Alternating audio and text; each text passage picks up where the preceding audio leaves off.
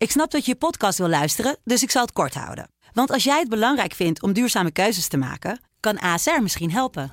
Nou hoor ik je denken, hoe dan? Nou, bijvoorbeeld bij het duurzaam herstellen van schade. Of de premies die we beleggen volgens ons duurzaam beleggingsbeleid. Dat bepaalt waar we wel en juist niet in investeren. Wil je meer weten over welke duurzame keuzes ASR maakt? Ga dan naar asr.nl slash duurzame keuzes. ASR doet het. Zo, dan kan je nu lekker naar je podcast luisteren. Deze podcast wordt mede mogelijk gemaakt door bedcity.nl. Dit is de voetbalpodcast Kick-Off van de Telegraaf. Met chef voetbal Valentijn Driessen, Ajax volgen Mike Verwijn en Pim CD. Geen Pim deze week. Die is aan het skiën in Gerlos. Maar Jij, jij, jij maakt die eh, aankondigingen toch? Eh, moet je geen ko- aankondiging van jezelf maken dan? Ja, dat vond ik een beetje te hoog gegrepen dat ik eh, dan mezelf moet inspreken. En Ja, Hein Keizer. Maar ja, want volgende week is het toch weer... eh, ja, zeker. En vrijdag weer ook nog. feest. Ja, Pim die is... eh, Kunnen we geen champagne ontkurken? Nou, die Tim... eh, nou, Ja, Ja, dat is heel, weg is. heel toevallig. Heel toevallig. Ik eh, hoorde gisteren de deurbel gaan bij mij thuis in Ilpendam. En daar stonden opeens twee spelers van Ilpendam 3. En die hadden ook gehoord dat Pim weg was. Dus die vonden dat er, eh, dat er wel champagne deze kant op kwam. moet je je voorstellen. Ik word dan gisteren gebeld door eh, Mike. Hein, vier glazen. Dat is alles wat ik nodig heb voor de podcast van morgen. Ademos. nou, Ja, Ademos? Hè? Was dat Ademos? Nee, nee, nee. Het is, zo praat Mike. Nee, maar- Hein, Hein. Maar dat is het leuke. Vier ik, ben- glazen, ik, belde, nou, eh, ik belde Hein op, maar Hein ziet een beetje, kijkt een beetje op tegen Wiert Duk, denk ik. Mike, kan het heel kort, want eh, ik zit al met Wiert in de studio. Ja. Ik zeg, Hein, vier glazen. Pok. Ja, Wiert die heeft Ja, toch wel hij is eh, open, hoor. een temperament. Nee, dat valt allemaal reuze mee. Maar, voordat ik jullie blij maak met een dode mus, ja, vertel. het is geen echte champagne. Oké. Het is sparkling tea. En nou liet ik me vertellen door die jongens van Ilpendam 3, Frank en Lars, dat het bedacht is door een Deense sommelier die de diepgang en afdronk van alcohol vervangt door een mix van 12 soorten thee. Dit wordt geschonken in de allerbeste restaurants van Nederland. Alle sterrenrestaurants hebben het. Dus ik zou zeggen, luisteraars, probeer het ook een keer. Sparkling tea. Ik weet En- niet wat het kost. Ik heb het gekregen. Ik denk nu- wel dat Mike er wat voor terugkrijgt. hè, voor deze reclamespot. Maar ik heb nu een glas, da- daar zit een lipje of een, eh, een mondje aan. Ik denk dat deze voor jou is. Eh, voortaan je glazen even schoonmaken, Ja. Hein. Want Ja, ik mocht, de mooie, ik mocht de mooie glazen niet meenemen van mijn vriendin. Die zei, dat ga, je- Jongen, ga je niet doen. Nee, je hebt Ja, je eigen dat- glaas ingegooid. Abs- absoluut. Maar eh, nou, leuk Mike. Wat een feestelijke opening. Ga hebben we niet van. eh, Ja, Valentijn? Op, op Pim. En, eh, want Valentijn die is, eh, is een geheel. Ik Overigens- drink geen alcohol, maar Nee, hij drinkt geen alcohol. Nee, ik moet zeggen, de afdronk van eh, mijn Hema champagne met oud en nieuw. Hema kinderchampagne is beter dan dit. weet je wat nou het leuke is? Welke, dat die, dat welke, die jongen, smaak hebben Eh. we? welke smaak hebben we nu? Ik weet het niet. Darjeeling, Darjeeling White tea en Jasmine. Maar weet je wat nou het leuke is? Kijk, ik bedoel, Valentijn heeft een glazen bol. Maar die jongens die voor de deur stonden hadden ook een glazen bol. De verwachting was dat Valentijn het af zou zeiken. Ja, en dat de rest het heel lekker zou vinden. Ja, ik, prima. Ah, ja, nou, ik, vind, ik moet eerlijk zeggen, die van de Hema, die Jip en Janneke champagne. voor oud en nieuw. Die Ja? ja, die echt heerlijk.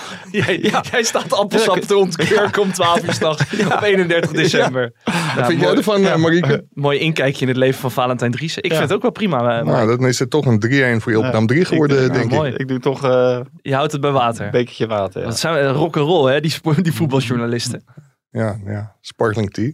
Zitten we dan? Zitten we dan? Nou goed, laten we het eh, over Nou, eh, op Pim, eh, jongens. serieuze En hebben we hebben. al 3,5 minuut zijn we bezig. Hebben we nog geen woord over het voetbal gesproken. Ja, dat is toch lekker? Ja, over Maar Pim. hoe, Ook wel leuk. We hebben hier een 3,5 atoomklok hebben, een atoomklok hebben we hier staan. die, eh, die oploopt. Dus kan je precies zien Ja. hoe lang je eigenlijk in de verte aan het lullen bent. Ja, ja. En als het te lang, dan, eh, gaat er is het in één keer boom. eh, dan komt die atoom. Nou, ik heb nu ook een, een lijstje meegekregen van Pim hoe lang ik ongeveer per onderwerp moet, moet doen. heeft hij al gemaild van eh, hoe je het moet aanpakken. Ja, ja, hij en zei, hij zei penalty Tadic. Stefan de Vrij moet je het over hebben. Hein. Hij dacht eh, van ik moet wel natuurlijk eh, goed beslagen ten ijs komen. Dus eh, goed. Maar ik vind het wel vrij ernstig, want nou ziet iedereen hoe lang ik aan het woord ben. Zit er ook een alarm op? of niet? Ja, zeker, ja, zeker. Als je te lang aan het woord bent, dan, eh, Nou, hou ik het kort dan vandaag. trekt, trekt je microfoon op een gegeven moment weg. Ehm, Valentijn, ik denk dat het belangrijkste nieuws van deze week eh, bij PSV eh, gebeurd is. Als ik, eh, als ik het zo zag. Je noemde het een machtswisseling in de top van PSV die geruisloos gefixt is. Ja.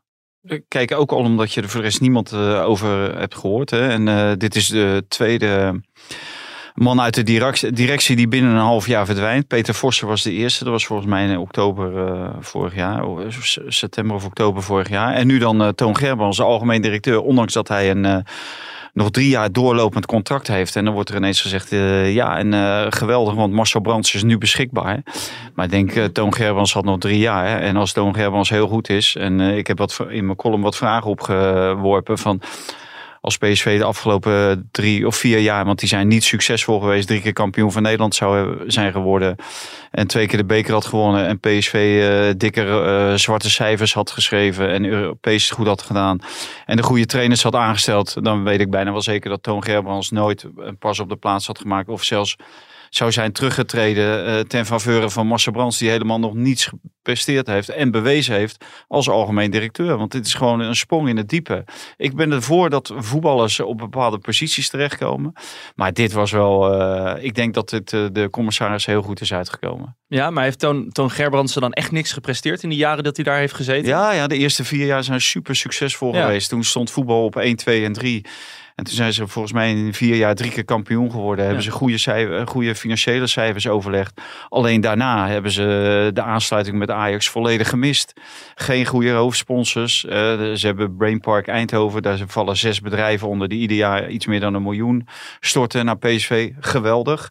Maar je kan natuurlijk beter één sponsor hebben van 10 miljoen euro plus Mhm. dan die, die zes kleintjes. Die zes kleintjes die wil je wel graag hebben. Maar het gaat erom die ene grote of die twee hele grote. Die jou eh, ieder jaar 20 miljoen bezorgen. En, en dat is hem nooit gelukt. Maar, Eh, wat, maar wat gaat Marcel Brands dan wel brengen wat Toon Gerbrands niet gelukt is? nou, in ieder geval uh, voetbal-know-how mag je hopen. Hè. Bij Everton eh, heeft hij natuurlijk ook gefaald. Eh, 350 miljoen euro uitgegeven. Eh, nou, niks, niks mee eh, Ja. gepresteerd. Geen prijzen gewonnen, niets.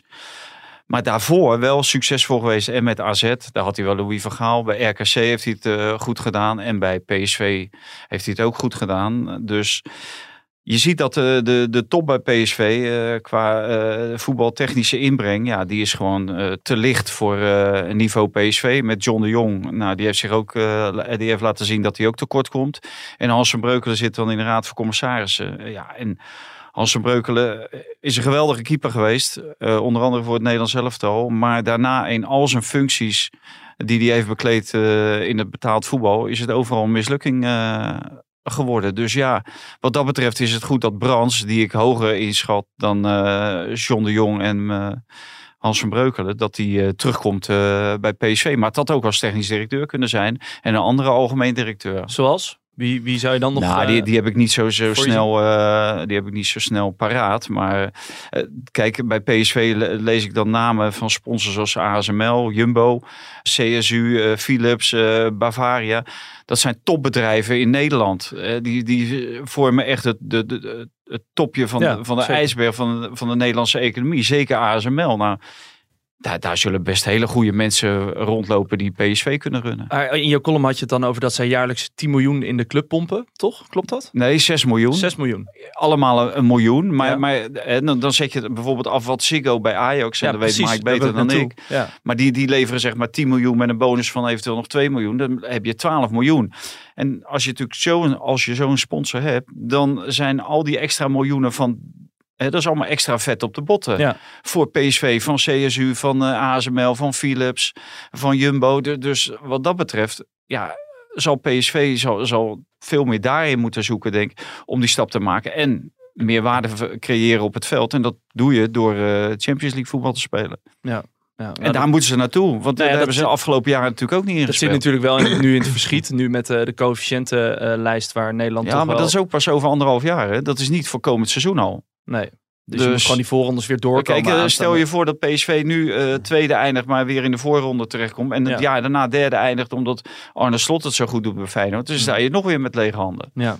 ja, lastig. En, eh, Als, als Ajax. Nou ja, en we zitten natuurlijk nu ook in een, in een soort van ja, speelveld waarin de nieuwe coach van PSV nog niet bekend is. Ik heb het idee, Heel raar verhaal. ik heb het idee dat Cocu, die wil, die wil het wel. Ja? Maar ik, dat idee heb ik. Ik weet niet Heb of jij hem jullie- zien staan met een bordje ik wil? Nou, onder andere bij eh, Jong PSV stond hij eh, in één keer te praten met, met de kantinejuf, leek het wel. Zag je hem in beeld? Nee, Ja, dat, de- de- was, dat was collega Rick Elfkink eh, van, van het Eindhovens Dagblad. Was een hele, hele lange kantinejuffrouw met een, een beetje mannelijk uiterlijk. eh. nou ja, en ik zag hem ook. Ik zag hem gisteren ook weer met Van Breukelen. Zag Ja. ik hem bij uh, Nou, dat, dat vond ik eigenlijk het meest opvallende. Ja. Ze zit hij naast de commissaris van Breukelen. Nou, los van of je veel opsteekt om naast Hans Breukelen te zitten. Maar zijn grote vriend Chris van der Weerde, die zat vier stellen, stoelen verderop. Ja. Kijk, als hij daar echt voor zichzelf komt, dan ga je naast Chris van der Weerde, dan ga je naast je vriend zitten en dan analyseer je samen die wedstrijd. Maar hij ging naast Hans Breukelen zitten en dan anderhalve meter zat er tussen, eh, tussen Philip en eh, eerst nog Twan Schepers en daarna daarnaast zat Chris van der Weerde dan. En denk ik van, ja, ik, dit, dit, lijkt wel, eh, het, het lijkt wel of het al geregeld is, maar ja, dan zou ik zeggen, regel het dan, maar maak niet dit, eh, eh, ge- geef ons niet dit beeld, want stel je voor dat hij het niet wordt of niet wil worden, ja, Ja. Dan, dan is het best wel... De, de, de volgende is tweede keus, nu al. ja, Ja. Dan, dan, en dat Ja. is pijnlijk. Dus eh, ik vind het ook pijnlijk voor Cocu als hij het niet zou worden, want dit, is, dit lijkt van ordinair solliciteren van eh, ik wil graag worden. Het voelde me ook een beetje zo van dat zijn vrouw gewoon tegen hem heeft gezegd van... Ga jij nou maar daarheen, weet je. Ik ben klaar dat je thuis zit. Ga maar, naar, dat- ga maar naar de jongens. Ah, vind hem zo'n hele rustige jongen. Ik Ja? denk dat hij thuis, dat je daar heel weinig Maar last van je, hebt. je, je moet ook niet heel Die gek, op, gewoon netjes. gek staan opkijken als hij morgen opeens bij de PSV-vrouwen... om weer even op de hertgang te zijn of in het stadion. Of, eh, Ja. Ja, het, weet je, hij heeft een interview in Football International gegeven. Daarin sprak hij ook wel de ambitie uit om weer trainer van PSV te worden. Ja, en dat dan opgeteld bij allerlei bezoekjes achter elkaar aan PSV. Ja, een buitenstaander zal denken van, ja, dit is al rond. Maar Of doet- dit- Zeker of- omdat of- Smit net weg... eh, Ja. Of dit komt rond. En Maar- het gebeurde ook vanaf het moment dat Smit aangaf dat hij niet zou bijtekenen. Ja. Maar doet PSV er goed aan, denken jullie? Om, eh, om zo'n jongen als Cocu, wat wel een jongen van de Ja. club is... Maar we hebben Ja. hier eerder in de podcast gezegd dat het op zich, als je Van Nistelrooy wil klaarstomen in de luwte, dat het wel een logische keuze zou kunnen zijn. Hoewel het spel niet altijd om over naar huis te schrijven was, heeft hij het natuurlijk wel qua prestaties gigantisch goed gedaan. En dat was in de beginperiode van Toon. Ja, daarom. En, en Marcel Brands. Dus eh, met Marcel Brands kan hij natuurlijk lezen en schrijven. En, en drie eh, kampioenschappen volgens mij samen meegemaakt in vier jaar. Nou ja, dat, dat is natuurlijk prima. En ik, eh, wat, wat Mike zegt, ja, voor de overgangsperiode kan het, eh, zou dat heel goed. Maar je, je hoort ook de naam van Peter Bos. Ja, door eh, onder andere vaste luisteraar Aten Mos. Die, Ja. eh, die zei inderdaad bij, het, ja, bij een dat, video... wordt, dat linkje wordt dan natuurlijk weer gelegd. Enerzijds omdat Bos een beetje wisselvallig presteert bij, eh, bij Lyon. Laat het beetje maar weg. Maar ook omdat Brands en Bos hebben samengewerkt bij RKC. Maar- dus het, het, het- dat zou kunnen. Maar de- dan slaat de, de Cocu natuurlijk helemaal een baggerfiguur door zich iedere week daar eh, te laten zien. En Ja. als je dan uiteindelijk niet wordt. Maar Bos zit natuurlijk nog wel bij, bij eh, Lyon. Die ligt wel vast bij Lyon. Ja, en eh, je hebt natuurlijk ook nog de kans dat eh Fraser, die misschien... Ja, die, die iedere stopt keer het- jij maar met je. Ja. Nou ja, de Ja, vorige keer begon je ook al over die Nee, Fraser. eh. nee, ik niet. Dat was Pim. ja, Eh, ja, omdat jij hier Fraser zat te roepen Nee, en te maar dat schreeuwen. komt, dat komt omdat Fraser zei: Ik heb eh, voorkeur voor een club die Ja. niet voor de hand ligt. En voor de hand ligt Feyenoord, omdat hij Ja. daar natuurlijk jarenlang gespeeld heeft. Ja. Dus dan denk je Nou, automatisch ik aan denk dat hij ook wel naar Ajax wil hoor. Ja. Dat, dat, ik denk dat geen één trainer op dit moment niet bij Ajax wil zitten. Ik, ik dacht ook aan PSV, omdat hij daar natuurlijk eh, in, eh, in de keuken heeft gekeken. Hij heeft daar ook gewerkt. Maar Mhm. later las ik weer ergens dat het om de graafschap ging. Oh ja, nou goed. Nou ja, als de graafschap zo blijft presteren zoals nu, dan komt daar ongetwijfeld een plaats vrij voor hem. Want die staan? Die staan iets van zesde Ah, of zo. Nou goed, we gaan in de eerste zien. divisie. Ik ben, benieuwd. Maar eh Rolf Hemmer zei wel dat die stellingen moeten niet Ja, te nee, ver precies. achterin. Ik, eh, eh, ik krijg ook al een bliepje hier van de atoomklok dat we door moeten. Dus eh, laten we beginnen met de stellingen. Eh, Marcel Brands is binnen drie jaar kampioen met PSV. Oneens. Oneens. Gravenberg of Haller speelt volgend seizoen bij Bayern. Eens. Eens. Feyenoord moet alles op alles zetten om Arnezen te behouden. Eens. Oneens. Arnezen gaat naar Ajax. Wat zei ik nou net? Oneens of Dit eens? is eens. Oneens. Oneens. Barcelona moet Luc de Jong overnemen van Sevilla. Eens. Eens. Clarence Seedorf en Ajax zou een goede combinatie zijn. Eens. Eens.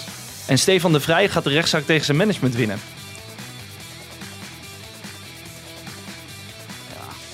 Zelfs die rechter die wist het niet. Die, die, kwam, er niet die kwam er geen wijs uit. Oneens. Oneens? Maar ik denk dat we hier toch maar even een hulplijn moeten, moeten Ja. inschakelen. Ja, we gaan nu even bellen met eh, Marcel van der Kraan. Die is eh, bij die zaak geweest. Even kijken of, eh, Of die er wel wat vanaf... Ja, of hij, of hij wel weet hoe het zit.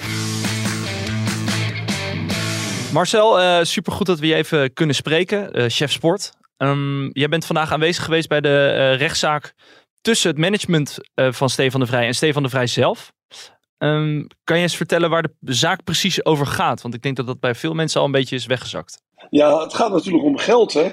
Zoals altijd bij voetballers en makelaars. Heel veel geld eigenlijk. Ehm, eh, we praten over zo'n zo'n 7,5 miljoen euro aan commissie. Nou, commissie eh, wordt uitgekeerd bij, eh, bij deals, bij transfers. En de ene keer is dat een tonnetje bij een kleinere voetballer. En als Mino Raiola een voetballer overbrengt naar een andere club, is het 20, 30, 40 miljoen. Nou, in dit geval is het een bedrag van 7,5 miljoen euro. Dat is uitgekeerd door Inter Milaan, de werkgever van Stefan de Vrij, aan SEG, de Sports Entertainment Group. eh, waar verschillende zaakwaarnemers eh, in zitten, waaronder Jeroen Hogewerf, die hem heeft begeleid. eh, Kees Vos, die het later heeft overgenomen, dus de, een van de aandeelhouders van dat bedrijf. Nou, en wat zegt nu Stefan de Vrij? Ja, er was wat meer geld kennelijk beschikbaar voor mij dan het bedrag wat ik heb gekregen. Want als de zaakwaarnemer eh, of het, eh, het kantoor waar ik bij zat nog zoveel geld krijgt, dan had het ook bij mijn salaris kunnen eh, komen, want ik ben transfervrij gegaan. En ja, Inter zegt, ja, wij zijn de SCG-groep dankbaar dat hij bij ons terecht is gekomen. En niet bij Barcelona of niet bij Arsenal. Of, nou, er waren best wel veel clubs die interesse hadden in Stefan de Vrij. Nou, en nu is daar eh, dus het, het geschil over. En ehm, is het echt alleen eh, Stefan de Vrij, dus de speler Stefan de Vrij, die het dan opneemt tegen zijn eigen management? Hoe moet ik dat eh, dan voor me zien? Ja, daar, komt- daar komt het wel op neer. Hè? De, de, voor Inter-verdediger, hè? want dat is hij natuurlijk nog steeds, Stefan de Vrij, is de rechtszaak zo belangrijk dat hij tussen twee grote wedstrijden in, in de storm ook nog eens in het vliegtuig is gestapt. Hij ehm, speelde woensdagavond nog tegen Liverpool met, met Inter Milaan. En ja, die wedstrijd verloren ze. Eh, Nou zeggen ze dat hij eh, niet meer zo goed speelt tegenwoordig omdat die zaak in zijn hoofd zit. Nou ja, ik weet dat niet, dat zou kunnen. En zondag moet hij alweer voetballen tegen, ik geloof, Sassuolo eh, in de Serie A. Hij is verwikkeld in de race om de landstitel met, eh, met Inter. Dus ehm, ze staan er heel goed voor. Dus het is eigenlijk een hele belangrijke week. En toch vindt hij het heel zo belangrijk dat hij daarbij wil zijn. Hij zat daar eh, precies in het midden tussen de advocaten van SEG en zijn eigen advocaten. Twee, een Belg en een eh, Nederlander. Nou, en het was opvallend dat hij eigenlijk eh, urenlang, want zo lang duurde die zaak vandaag bij de rechtbank in Amsterdam, echt niet naar zijn voormalige management keek. Hij bleef alleen maar recht vooruit kijken. Hij heeft niet heel veel gesproken. Hij eh, gaf antwoord op de vragen die de rechter stelde. Dat was een mevrouw, die had zich goed ingelezen. Die bleek aardig op de hoogte te zijn van de zaak. Ja, en die, die vroeg hem vooral van... eh, ja, heb je nou wel of niet een overeenkomst afgesloten... waarbij is bepaald dat SEG alleen voor jou optrad? Of mochten ze ook namens die club optreden? Nou, hij zegt, ja, ja, ik ging ervan uit dat ze alleen voor mij eh, optraden. En eh, zijn advocaten maakten duidelijk dat SEG eh, achter zijn rug om een spelletje heeft gespeeld. Nou, dan zei de advocaat van SEG, die zei weer, nee, er is niets vastgelegd. Normaal teken je een contract dat je als speler alleen door je, je bureau wordt vertegenwoordigd. En dat heeft Stefan niet gedaan. Eh, SEG zei namens Kees Vos zelfs. eh, Wij hebben dat contract een paar keer bij ons gehad, maar dat wilde hij niet tekenen. Nou, uiteindelijk, lang verhaal kort, het wordt een heel juridische zaak. Het is een juridisch spel, wel eens niet eens. En de rechter zal moeten bepalen of het juridische hier eh, zijn gelijk, gelijk gaat krijgen. Want het is duidelijk dat de Vrije dus geen overeenkomst had getekend bij, eh bij waarbij bepaald was dat ze alleen namens hem op mochten treden. Of dat het een, een, ja, een moreel eh, ethisch aspect wordt, waarbij de rechter zou kunnen zeggen van nou, eh, er is wel heel veel verdiend aan deze eh, transfer van Stefan van Lazio hè, waar die al zat in Italië, naar Inter. Maar is het, En- is het niet heel erg naïef van Stefan de Vrij om te denken dat de mensen, zo'n zo'n SEG-groep om hem heen, daar alleen maar voor zijn belangen zitten?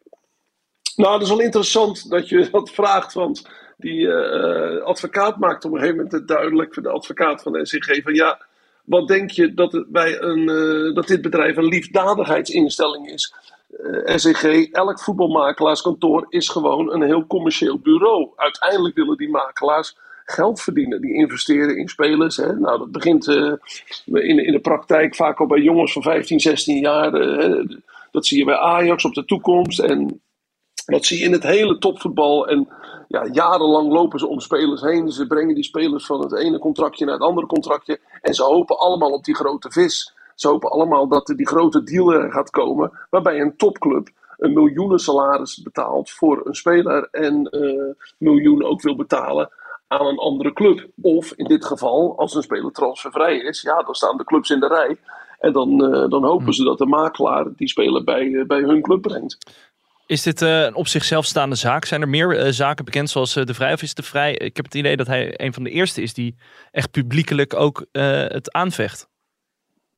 Ja, er zijn niet heel veel van dit soort zaken. Want over het algemeen, ja, eigenlijk wordt een speler vaak met zo'n enorm contract beloond dat ze het allemaal goed vinden. En de meesten snappen ook wel dat de makelaar er wat aan verdient. Eh, en het ligt er ook aan wat voor afspraken je hebt gemaakt. Hè. Kijk, in, eh, we weten allemaal eh, dat Mino Raiola een mega onderhandelaar is. En die, ja, die spelers vinden het goed. En dat zal je straks ook weer zien bij de zaak van Erling Haaland. die speler van die topspits van Borussia Dortmund. Ja, die gaat straks naar, naar Barcelona of Manchester City voor een enorm bedrag. En dan gaat uh, Raiola ook weer eh, in meedelen. Nou ja, Haaland denkt dan, als ik maar eh, warmpjes erbij zit voor de komende jaren, nooit meer hoef te werken. En in dit geval zegt eh, SEG, wij hebben ervoor gezorgd dat Stefan de Vrij, eh, ik geloof, eh, vier keer zoveel is gaan verdienen dan wat hij verdiende bij, eh, bij Lazio. En hij is de beste betaalde verdediger van de Serie A geworden. Eh, dat is eh, dankzij onze onderhandelingen. Ja, en daar eh, pakken wij zelfs dan ook een, een flinke eh, van mee. Maar is het grootste probleem niet, Marcel, dat de Vrij vindt, en volgens mij mag dat ook niet volgens de FIFA-bepalingen, dat je niet twee partijen kunt dienen als zaakwaarnemerskantoor. Dus dat hij en de belangen van Nee. Inter en van de Vrij heeft gediend. Nee, dat klopt. Dus moet je duidelijk hebben dat je op papier vast hebt staan wie er voor welke partij optreedt. En de Vrij had ook nog de, de vrijheid om eh, voor de transfer, voor het moment dat hij tekende bij Inter, nog een, eh, nog een andere zaakwaarnemer te kiezen. Dat kwam ook aan de orde in, de, in deze zaak. Hè? Eh, dat SEG ging de deal doen namens de club. En de rechter zei dan op een gegeven moment van ja, maar u heeft toch ook namens de Vrij zitten onderhandelen? Ja, zegt eh, Kees Vos op dat moment. Maar eh, een intermediair, die brengt alle partijen bij elkaar. Die kijkt wat het beste is voor alle partijen. En eh, die zorgt dat iedereen happy is. En dat was iedereen aanvankelijk. Totdat de Vrij hoorde welke fee betaald was aan, aan. Ja, want op, opmerkelijk Marcel is dat die vorige transfers precies op dezelfde manier tot stand gekomen, toch? Tussen Feyenoord en Lazio Roma. En- exact. En dat, daar, daar is eh, geen eh, rechtszaak over gekomen. Exact, dat is het aspect wat de rechter behandelde. Want het, het- ik geloof dat het eerste half uur ging het alleen maar over alles wat er in de zaak met Lazio is gebeurd. Eh, want op een gegeven moment ging je denken, we zaten met een groep journalisten en er zaten wat mensen op de publieke tribune. Ging je denken van gaat deze zaak nou over de deal met Inter of gaat het over de deal met Lazio? Maar die rechter wilde precies alles weten van hoe is het allemaal in zijn werk gegaan bij de vorige keer. Want wat is de opbouw naar deze transfer geweest? Ja. Wanneer, eh, wanneer komt er een uitsla- eh, uitslag over, eh, over deze zaak? Ja, er zal een uitspraak komen over, ik denk niet binnen zes weken. Dat duurt altijd best wel eventjes. De rechter heeft gewoon alle partijen aangehoord en die begrijpt, ja, jullie, jullie zijn het hier met elkaar eens. Jullie gaan er ook niet uitkomen. Er is nog even gevraagd in zijn algemeenheid van, goh, eh, willen jullie nou nog iets zeggen? Toen heeft eh, Kees Vos namens SEG gezegd, ja, ik heb geprobeerd contact te krijgen. Ik heb geprobeerd om het direct uit te leggen. Toen, eh, toen, toen Stefan eigenlijk de eerste keer aan de bel trok. Maar die heeft nooit meer met ons willen praten. Eh, die heeft nooit meer enig contact gezocht. SEG heeft in het hotel gestaan. Ze hebben hem geprobeerd te bereiken. Maar dat is allemaal niet gelukt. En over het algemeen zie je wel eens dat in dit soort complexe zaken. dat de rechter natuurlijk aanstuurt op een schikking. Mhm. Maar één ding is duidelijk geworden vandaag in deze zaak: hier gaat geen schikking komen. Nou, helder. Ja, en eh, de, de rechter gaf geen enkele eh, aanwijzing eh, wat zij daarover dacht. En welke kant haar beslissing zou uitvallen. Nee, er er zat iets, eh, misschien iets verraderlijks in. Eh, de rechter leek wel tijdens de zaak veel vragen te stellen over ehm, het feit dat Stefan wel de indruk had kunnen krijgen dat SEG alleen maar eh, voor hem optrad. En, en niet eh, bewust bezig was met eh, ook op te treden namens de club. Maar dat kan ook een gevalletje zijn van, nou ja, god, we begrijpen wel hoe de zaak zit. Maar uiteindelijk, uiteindelijk zal een rechter toch vooral juridisch naar de zaak moeten kijken. En dan zou het ook nog kunnen zijn dat, dat er juridisch, ja, eh, de voetballer niet veel grond heeft om op te staan. Maar het is altijd moeilijk in dit soort zaken. We hebben in het voetbal al zulke gekke uitkomsten gezien. Eh, het is in ieder geval zeer interessant. En dan zul je ook nog zien dat als er een uitkomst is, dat meteen eh, de verliezende partij in hoger beroep gaat. Dus ik denk dat deze zaak nog wel een flink tijdje gaat doorsudderen. Marcel, naast sportrechtbankverslaggever ben je ook Feyenoord-watcher van, van de Telegraaf. Ehm, er is een beetje, ja, het is een beetje aan het morrelen, daar heb ik het idee in Rotterdam. En dat heeft allemaal te maken met het uitblijven van de handtekening van Arnezen. Ehm, waarom, waarom duurt het zo lang tot hij, tot hij zijn contract verlengt? Hoe, hoe zit dat? Nou, ik denk dat dit een vrij eh, simpele verklaring uh, dat die daarvoor is. Er moet eerst een aanbod zijn. Hè? Als je denkt van nou, je wil eh, met een partij, met een technisch directeur wil je verlengen, dan moet er een aanbod zijn. Wie is er nu eh, pas één week in dienst bij Feyenoord, of anderhalve week? Dat is de nieuwe algemeen directeur. En ik denk dat het daar heel veel mee te maken heeft. Dennis de Kloeze. Dennis de Kloeze aangesteld. Ja, eh, als directeur. Nou, dat, eh, dat heeft een tijdje geduurd voordat hij los kon worden geweekt bij zijn club in, in Amerika.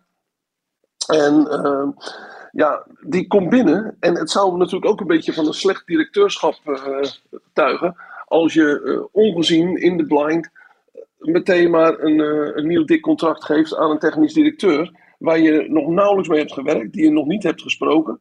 Waar je eh, ja, eigenlijk nog niks van gezien hebt live. Jij, het enige waar die op moet afgaan op dit moment, dat is ja, eh, zijn track record. Nou, eh, bij Feyenoord in dit geval. Ja, is dat eh 100% goed? Mm, er zijn mensen die zeggen, wel, ja, de- sommige spelers zijn best aardig. We hebben ook een heleboel spelers binnen zien komen die eh, niets hebben opgeleverd. Die alweer verhuurd zijn. Hè. Ik noem een Antonucci die weer bij Volendam zit. Bozeniek. Heeft 2 miljoen gekost. Nou, eh Bozeniek, die, die is gekomen, die is, weer- die is weer verdwenen. Nou, en er, zit, er is nog een heel legertje wat eh, bij het onder 21 elftal wat, eh, wat niet zo marcheert. eh, wat ook voorlopig niet promoveert naar de keukenkampioen-divisie. Eh, dus ja, ik denk dat het heel logisch is dat de algemene directeur op dit moment even zijn, zijn ogen de kost geeft. En, En- toch een aantal gesprekken zal willen hebben. En ik denk dat daar, en het is een vrij simpele zaak, dat daar de, de, de, de rem even op zit. En de- wil, Fey- wil Feyenoord het wel? Ja, wie- is Feyenoord? De- op Ja. dit moment is de belangrijkste man is de algemeen directeur. Die hebben ze een hele tijd eh, Nee, duidelijk. eh, niet gehad. En dus ja, die zal. eh, de- dat is Feyenoord. Want ja, is Feyenoord is dat de, de, de, de jeugdopleiding? Is Feyenoord de, de commercieel directeur? Nee, Ja. ik denk dat de algemeen directeur de belangrijkste stem heeft nu.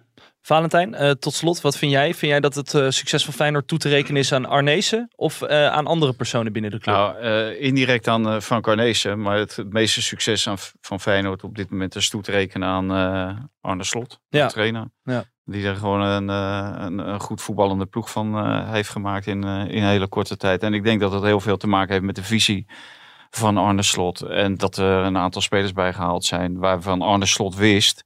eh, want hij, wist ze, hij kende ze eigenlijk eh, vanuit de scouting van AZ.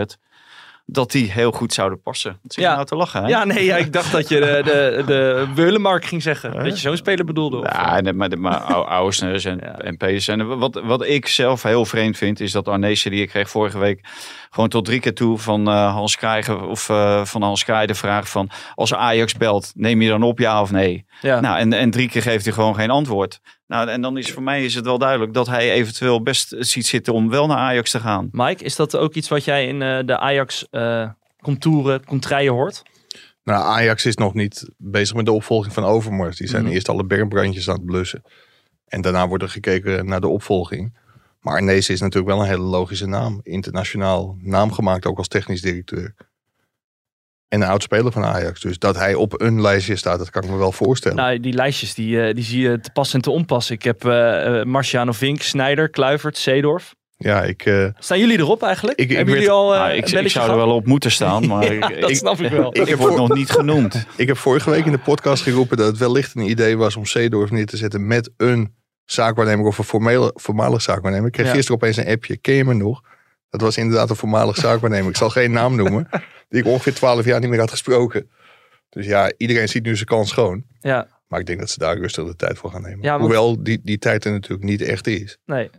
Want dat Overmars een gat achterlaat, dat is, eh, dat is duidelijk. Ja, want eh, ja, hoe, is die, hoe is die, laten we even doorgaan op, eh, op Ajax. Hoe is die stand van zaken op dit moment? De stand van zaken is dat Overmars weg is. Ja, nee, maar ik bedoel, eh, eh, Van, van der Sar eh, heeft niet echt gelukkig opgetreden. Ja, tijdens deze affaire. Maar hoe, hoe, hoe, hoe verhoudt zich dat nu? Wat, wat gaat er nu gebeuren? Wat zijn de volgende komende stappen? Ja, de komende stap is dat er een, een opvolger voor Overmars moet komen. En er gaat intern een onafhankelijk onderzoek eh, plaatsvinden naar de gedragingen van Overmars. Dus ja, het is wachten op de uitkomsten daarvan. En de vrouwen, en dat vond ik heel gek in de beantwoording van eh, Van, van der Sar. Hans Cruijff vroeg hem van, heb jij de vrouwen nog gesproken? En daar had Edwin van der Sar een heel makkelijk antwoord kunnen geven. Van, nou, ik kan alleen gesproken hebben met de vrouwen die zich bij mij gemeld hebben. Ja, en de rest wordt natuurlijk gewoon anoniem gehouden.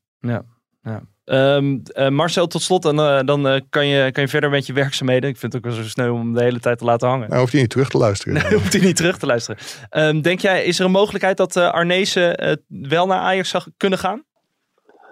Nou, je zou normaal denken, als je de rivaliteit tussen beide clubs kent, dat, eh, dat je dat niet zo gauw overweegt als de technisch directeur, als je net wat eh, in gang hebt gezet. Maar ja, kijk nou even naar die hele cv van Frank.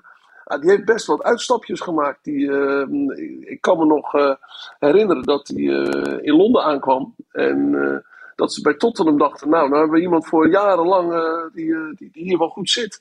Ja, en toen was er een paar kilometer verderop langs de Theems een club van een eh, rijke Rus. En, die, eh, en die, die vonden hem ook interessant. En die deden hem een aanbod. En hij was, eh, hij was weg bij Tottenham.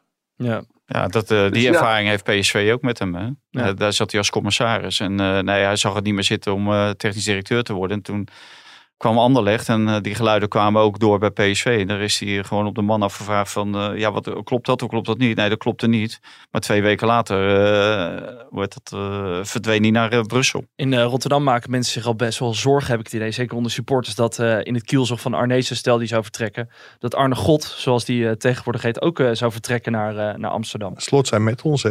Altijd in Ja, het, ja, ja. Maar ik denk dat de supporters daar en jij, en jij in Kluis daar niet bang voor hoeven te zijn. Nee? Nee. Ik eh, kan mijn uh, Feyenoord groepsapp uh, geruststellen van T3 dubbele punt. Ja. Slot blijft. Nee, de- je kan ze geruststellen dat Slot niet met Arnezen meegaat Nee. waar hij heen gaat. Nee. Dus. Oké. Marcel, bedankt. En eh, wellicht tot de volgende keer. Graag gedaan, mannen. Toch nog even, eh, Mike, over eh, Ajax. Zou er een optie zijn dat ze eh, een ehm, directeur zullen aanstellen, of een directeur voetbalzaken, die geen voetballer is? Dat kan. Het was wel heel, heel nadrukkelijk de wens van Johan Cruijff om daar wel Ja. een voetballer neer te zetten op die positie. Maar ja, natuurlijk is dat een optie. Ik kan me ook voorstellen dat daar iemand neergezet wordt die allerlei internationale ervaring heeft met de FIFA, de UEFA, misschien een oud zaakwaarnemer. Het hoeft niet per se een voetballer te zijn, maar je moet wel iemand hebben die ontzettend goed ingevoerd is, heel veel internationale contacten heeft. Want Ajax wil met de grote jongens meedoen. Dus dan moet je ook wel een zwaargewicht op die positie hebben. denk ik. Ja, nou, ik, ja ik, ik zie ook nog een andere zwaargewicht. eh, en die, die loopt al bij Ajax rond. Kijk je naar mij? En dat is eh, ja, letterlijk wel. Zou ik inderdaad naar jou kunnen wijzen. Zou ze jou ook op het lijstje kunnen zetten. Nee, Erik ten Hag. Kijk, eh, het is heel belangrijk voor Ajax dat Erik ten Hag blijft, denk ik. Zeker nu, omdat Mark Overmars verdwijnt. Mark Overmars die zou natuurlijk blijven. Nou, dan hou je continuïteit in je technische beleid. Maar nu Mark Overmars is vertrokken. En stel je voor dat Erik ten Hag dadelijk ook wegloopt. Dan loop je hele technische top loopt weg. Nou, en ik kan me voorstellen dat Erik ten Hag graag een, een, een uitdaging ziet. Nou, die kan Ajax hem ook bieden. Door bijvoorbeeld een rol zoals Alex Ferguson bij Manchester United heeft vervuld. Om hem in zo'n rol, in zo'n uh, voetbalmanagersrol uh, op Engelse leest. En dan een hele goede veldtrainer erbij. En dan eh, voor, voor de deals te maken. Het, het, gaat bij Ajax, Mark Overmars, die, die maakt de, de, deals. Maar die bepaalt ook van samen met Erik ten Hag welke spelers uh, gaan we halen. Hè, welke spelers hebben we nodig? In wel, welke categorie kijken we? En dan denk ik van, hé, hey, nou dan zou Erik ten Hag zou daar misschien een hele goede in zijn. En dan een dealmaker daarnaast. Hè? Iemand, iemand met uh, senioriteit of met, met, uh, die, die, die dat eerder heeft gedaan. Een voetbaljongen. Een voetbaljongen, ja. nou, dat, dat vind ik sowieso. Kijk, uh, je moet wel uitkijken. Er is geacteerd in de lijn van Johan Cruijff. Maar de opvolgers, die zie ik niet in de lijn van Johan Cruijff binnen Ajax zo rondlopen eigenlijk. Maar is het vonnis van uh, Erik ten Hag niet al gewoon beslecht toen uh, op het moment dat Overmars, uh, het nieuws van Overmars naar buiten kwam? Nou, dat, dat kan zijn, maar de RVC en Edwin van der Sar, die hebben wel eigenlijk de plicht om hem, om alles aan te doen om hem binnen te houden nu. Want, want hij vertegenwoordigt op dit moment het Ajax-DNA. Hmm. Dus uh, hij is veel meer waard dan alleen uh, trainer-coach van het eerste elftal zijn. Ja. Maar dus, da, da, dus daar moet je best ver, ver in uh, durven en willen gaan als RVC en algemeen, algemeen, directeur. Maar ik, ik, weet dat jij Erik ten Hag onder speed dial hebt. Um, hoe zie jij dit? Dit, dit, dit idee? Ik denk dat het vanuit Ajax-perspectief een geweldig idee is. Alleen ik weet niet of Erik ten Hag het al ziet zitten om een rol à la Ferguson te vervullen. Ik denk dat hij ook een keer wil kijken wat hij kan bereiken in het buitenland. Dus dat zijn droom wel over de grens ligt. En dat heeft hij eigenlijk voor het vertrek van Overmars al min of meer uitgesproken. Intern in ieder geval.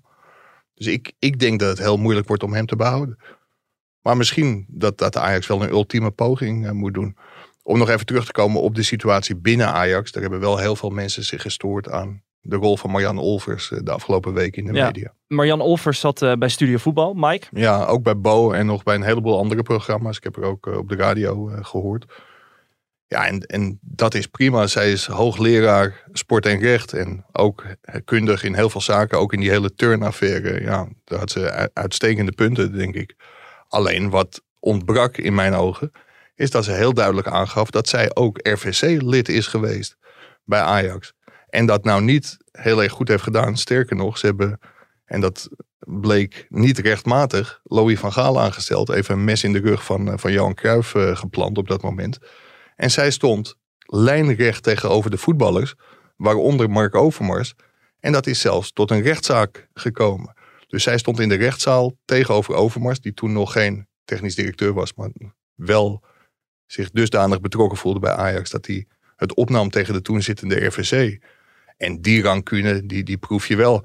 En wat ik heel gek vind van een hoogleraar, dat ze een aantal open eindjes uh, neerlegt bij, bij Studio Voetbal. Onder meer door te stellen dat ze vreest dat er nog iets gaat gebeuren bij een andere betaald voetbalclub. Ja, daarmee maak je zoveel clubs verdacht. Dat vind ik heel raar. Ze heeft ook gezegd dat ze een geluidsopname heeft van de personeelsbijeenkomst bij Ajax.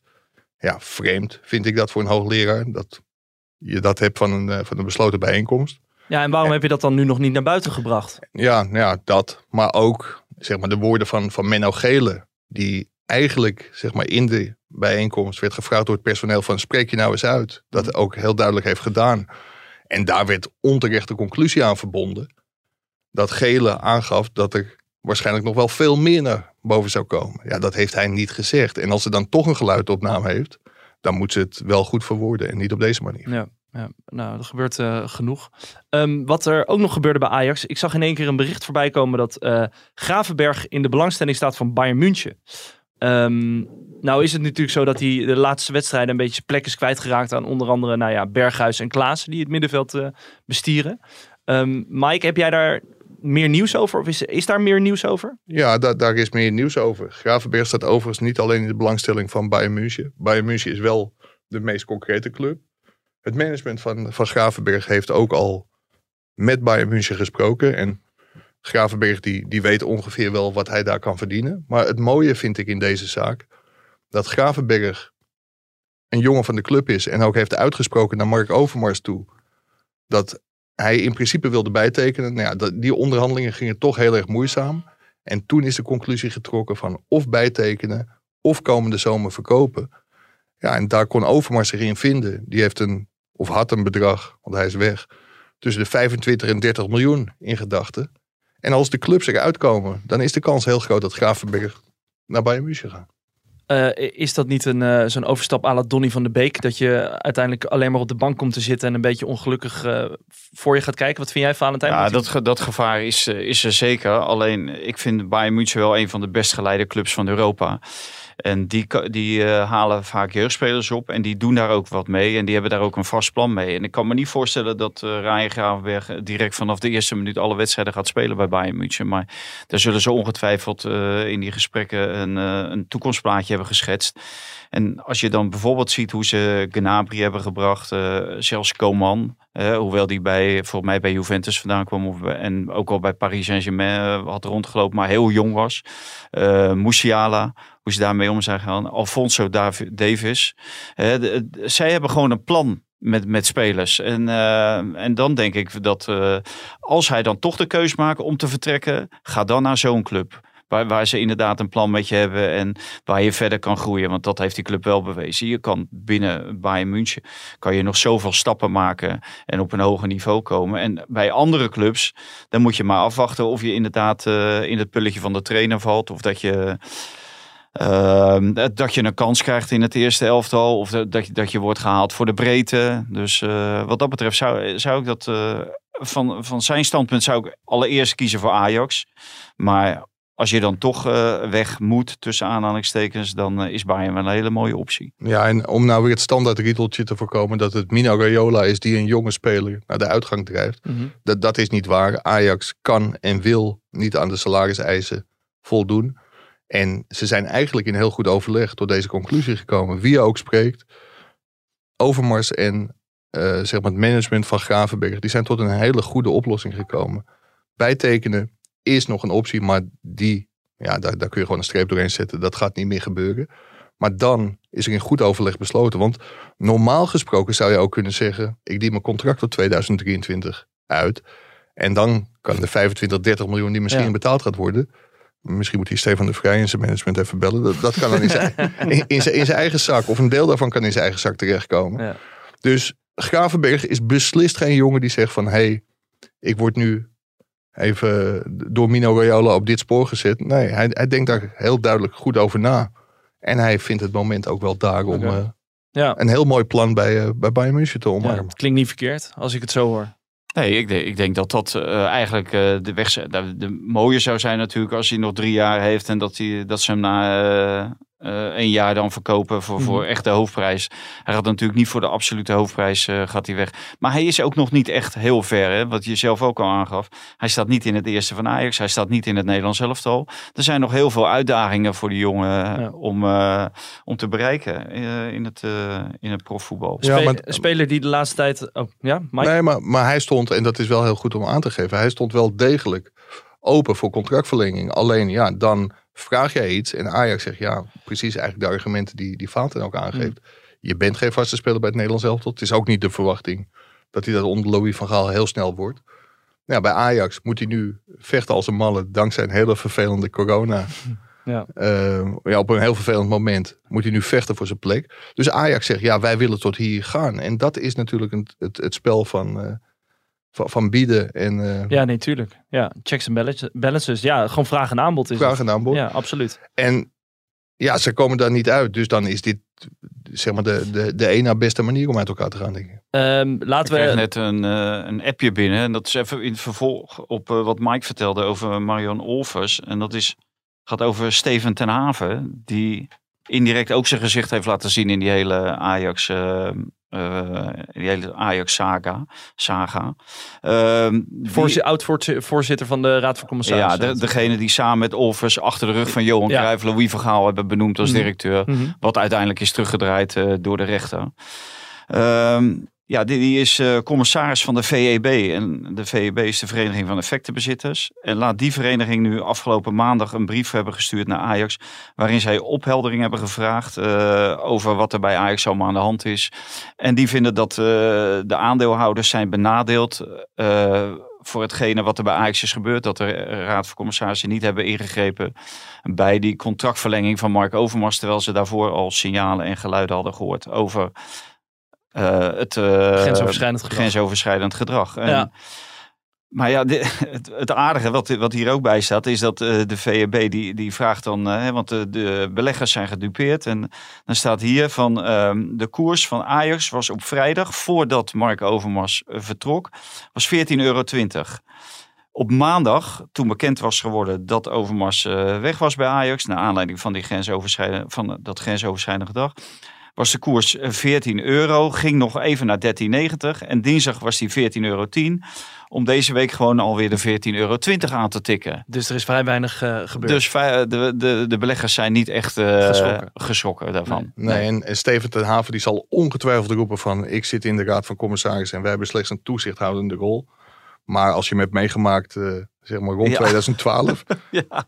dan weet je dat hij wel degelijk een vinger in de pap heeft. Hm. En ik vind deze rancune echt heel erg triest. En ik vind ook dat Studio Voetbal daar echt een heel dubieuze rol in speelde. Dat deden ze Maar toen. dat ging weer over Olvers. hè? Dat gaat, Ja, ja, ja. Steven Nee, maar- is nog niet bij Studio Voetbal, maar Nee, misschien maar komt hij wie dat, dat, dat, zou, dat zou zomaar kunnen zondag. Ja. Maar het, Ja. het pijnlijke daarvan vind ik dat, ja, kijk, Ten Haven die is echt als een kleuter door de rechter teruggefloten. Gewoon, die heeft onrechtmatig eh, Van Gaal en Danny Blind aangesteld. Dus om nu Ajax aan te spreken op dingen die niet goed zouden zijn gegaan, ik zou even mijn mond houden, denk ik. Nou ja, daarover gesproken, de atoomklok. eh, de ja, atoomklok. de atoomklok die begint Ging een ook beetje een af te alarm lopen. af, maar- Ja, ja, ja. Nou, laten we dan nog heel even James Last, want dat voelt toch al altijd goed, hè? Dat we toch een beetje James Last dat hij erbij is. Kijk. erbij. Luc de Jong, jongens. Bijna een omhaal. De bicycle kick. Ja, de bicycle kick. Denk je echt dat Ba- Barcelona Nou, ik- zou ik- overwegen om hem te kopen? Ja, nou, ik zat gisteren te kijken en eh, die bicycle kick, maar ik vond die paas op Ferran Torres Ja. vond ik eigenlijk nog veel mooier. Want die bicycle kick, daar, daar zit ook een, een mate van geluk bij. Daar is hij wel in gespecialiseerd. Maar Ah, is toch pure kunst? En eh, daarna hoorde je ineens Luc, Luc, Ja. Luc, Luc, Luc. Dat, eh, dat hele kamp nou. Ik weet niet of het er echt vol zat, ja of nee. Maar er zaten inderdaad een hele hoop mensen. Tegenwoordig ik- het Spotify kamp nou, toch? Ja. Toch of niet? Oh ja, Of is nu dat, al? eh, Is dat nu al ingegaan? Is Nou, het goed. zeker de nieuwe hit dan op eh, Spotify? Luc, Luc, Luc, Luc. Nou, bij Maar- Burnley hoor je woed, woed, woed, woed, woed. Ja. Maar ik denk dat die scheidsrechter bij Barca wel een Spotify eh, abonnementje voor zijn leven heeft. Want die, Ja. die handsbal die had hij bijna klem hè, Ja. bij die penalty. Dus, maar dat was wel heel eh, opmerkelijk. Hè? Ze hebben hem toch heel snel in de armen gesloten. Nou, en, ja, die goal tegen Espanyol, die doet het natuurlijk wel. In die stadsderby. Een, een punt redden. Mhm. Dus, eh, Helemaal aan het einde van de wedstrijd ook En nog eh, eens. ja, ik zou zeggen, wa- waarom zal hij op de bank gaan zitten bij Sevilla als hij ook bij Barcelona op de bank kan zitten? Ja, ja, ik denk dat eh, Memphis Depay ondertussen echt zich helemaal op zit te vreten vanaf de bank. Denken jullie niet? Ja, dat denk ik wel. Die, volgens mij gaat hij volgende week is hij weer, is hij weer terug van de blessure. Oh, jij bedoelt op zijn bank thuis? Ja, nee, ja, tuurlijk. dat hij dan denkt van... niet op zal- de bank nee, nee, zitten. hij zit niet op de bank. Nee, hij is geblesseerd. Ja, ja. Maar meer dat, dat je dan... Dat je dan Ja, ja, maar die heeft wel heel veel Luc de kwaliteiten natuurlijk. Luc de Jong voor je krijgt. Ja. En dat hij dan Ja, maar Luc de Jong begon gewoon op de bank. Hè. Kijk, Ja. als Memphis Depay fit is en, eh, en hij doet wat eh, Xavi wil, dan speelt hij natuurlijk gewoon. Hij blijft natuurlijk eh, een klasse spelen. Luc, Dus- Luc, Luc, Luc, Luc. Ja, ja. Nou ja, mooie afsluiter van deze podcast. Hebben we nog iets eh, wat eh Ja. onverlaat is? Doc, Dak, Londense O2 Arena aan Flarden. Tot zover eh, deze podcast. Oh ja, jullie hebben vanavond vrij. Er staat er wat leuks eh, op de Nou, planning? Ik heb geen VI. Ik Geen bij, wedstrijden? eh, Allemaal afgelast? eh, of nee, voetbal. Nee, VI vandaag heet het tegenwoordig. Daar zit ik. En, eh, maar ik, Je waait ja, daar ik, zo ik de hoop dat ik, het, dat ik het haal. de- vanwege alle omgewaaide bomen. Van, eh, hoe heet die weer storm eigenlijk? Youn- Younes. Younes? Ja, Amin. Amin Younes. Younis. Younes Mokhtar. Ja, haha. Jongen, jongen, jongen. Hè? Younis. Younis. Younis. En volgende is Franklin. Dat is iets makkelijker. Is die Oké. volgende? Oh ja, het gaat op alfabet. hè? Ja, het gaat, je had Corrie, Dudley, En Younis. wanneer komt Franklin? Of Frankie? Ja, Frankie ik of ben geen Franklin? meteoroloog. Dus, eh, maar eh, heb jij vrij avondje, Mike? Ik heb een vrije avond. Nou, Maar dat heb ik en eigenlijk voetbal, hè? Ja, Dat, dat heb ik- Younis, hè? Younis. Ja. Storm Younis. Nou jongens, bedankt. Rij voorzichtig. En eh, tot, eh, tot maandag. Deze podcast werd mede mogelijk gemaakt door bedcity.nl.